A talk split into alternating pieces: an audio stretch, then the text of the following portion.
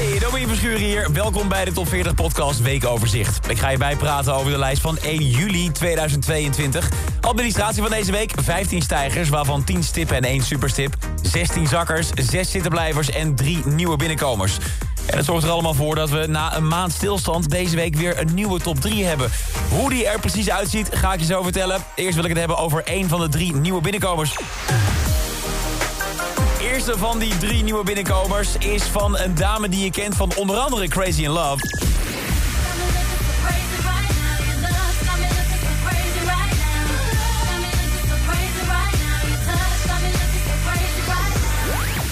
Een dikke hit uit 2003 stond toen 14 weken in de lijst, nummer 2 als hoogste notering. Of wat dacht je van deze?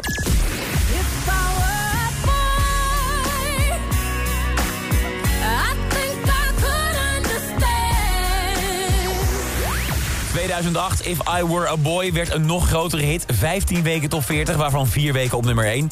En drie jaar geleden was er nog Spirit, een nummer voor de remake van de Lion King film.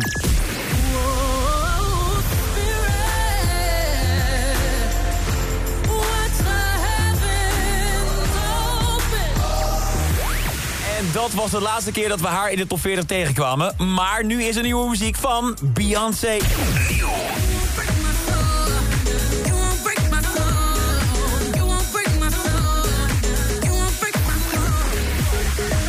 Werd ook wel tijd, kunnen we zeggen. Want los van de samenwerking met haar man Jay-Z onder de naam The Carters in 2018... en de soundtrack voor die Lion King film... stond haar laatste eigen studioalbum Lemonade uit 2016. Dat is dus zes jaar geleden.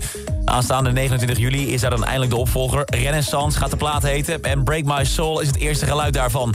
Deze week maakt Queen Bee haar intrede in het rijtje met de grootste hit van Nederland. Op nummer 35, Break My Soul.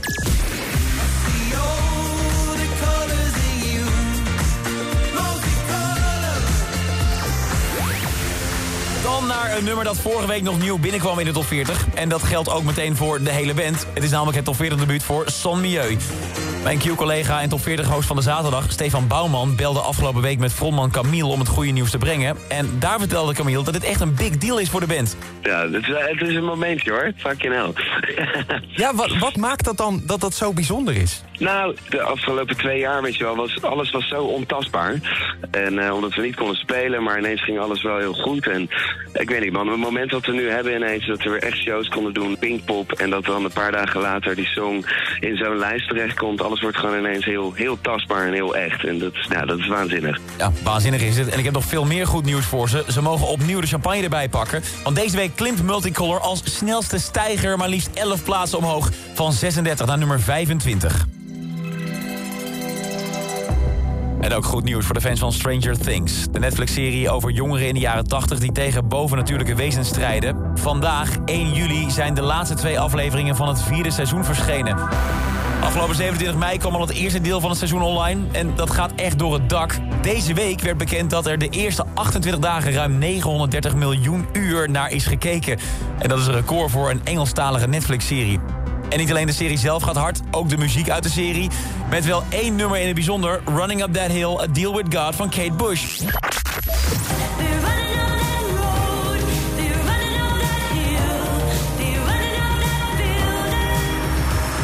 Het nummer zit in een paar belangrijke scènes... waardoor de track de laatste weken echt onwijs veel wordt gestreamd. Zoveel dat de hit uit 85 over heel de wereld opnieuw de hitlijst is binnengekomen. In Engeland heeft Kate Bush zelfs Harry Styles met As It Was overgenomen...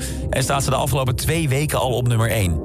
Hier in Nederland is het haar nog niet gelukt om hetzelfde te doen... maar wie weet dat die laatste afleveringen daar verandering in gaan brengen. Voor nu noteert ze wel weer een extra week in de top 40. Running Up That Hill, A Deal With God... gaat deze week van 16 naar nummer 20. Maar hoe zit het met de bovenste rij van de lijst? Tijd in het begin al, na een maand onveranderd te zijn geweest... hebben we dan eindelijk een nieuwe top 3 deze week. Soort van dan, want voor de vijfde week op rij staan dezelfde drie hits op het erepodium. Al is het deze keer wel in een andere volgorde. En betekent dat dan ook dat we een nieuwe nummer 1 hebben? Antwoord op die vraag krijg je binnen 1 minuut. Dit is de top 10 van deze week. Nummer La Fuente. 9. Min 2 voor Rondé. I'm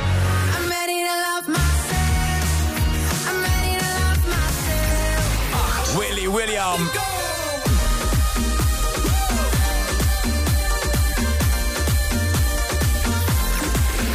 Plus 2 voor Benson Boone in The Stars.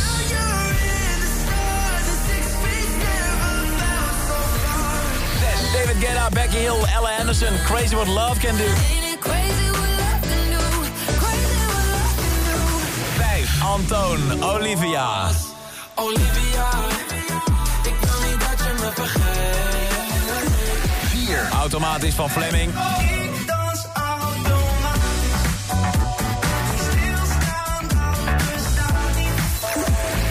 Min 1 voor Camila Cabello en Ed Sheeran en Bam Bam. Do the bum bum bum bum bum bum. Do the bum bum bum bum bum bum. 2. En plus 1 voor James Hype en Miggy Della Rosa, Ferrari.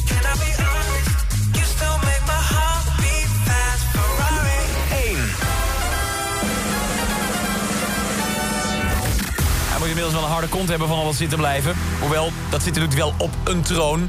Een nieuwe nummer 2, een nieuwe nummer 3, maar dezelfde nummer 1. Voor de 11e week aan de top, Harry Styles, As It Was.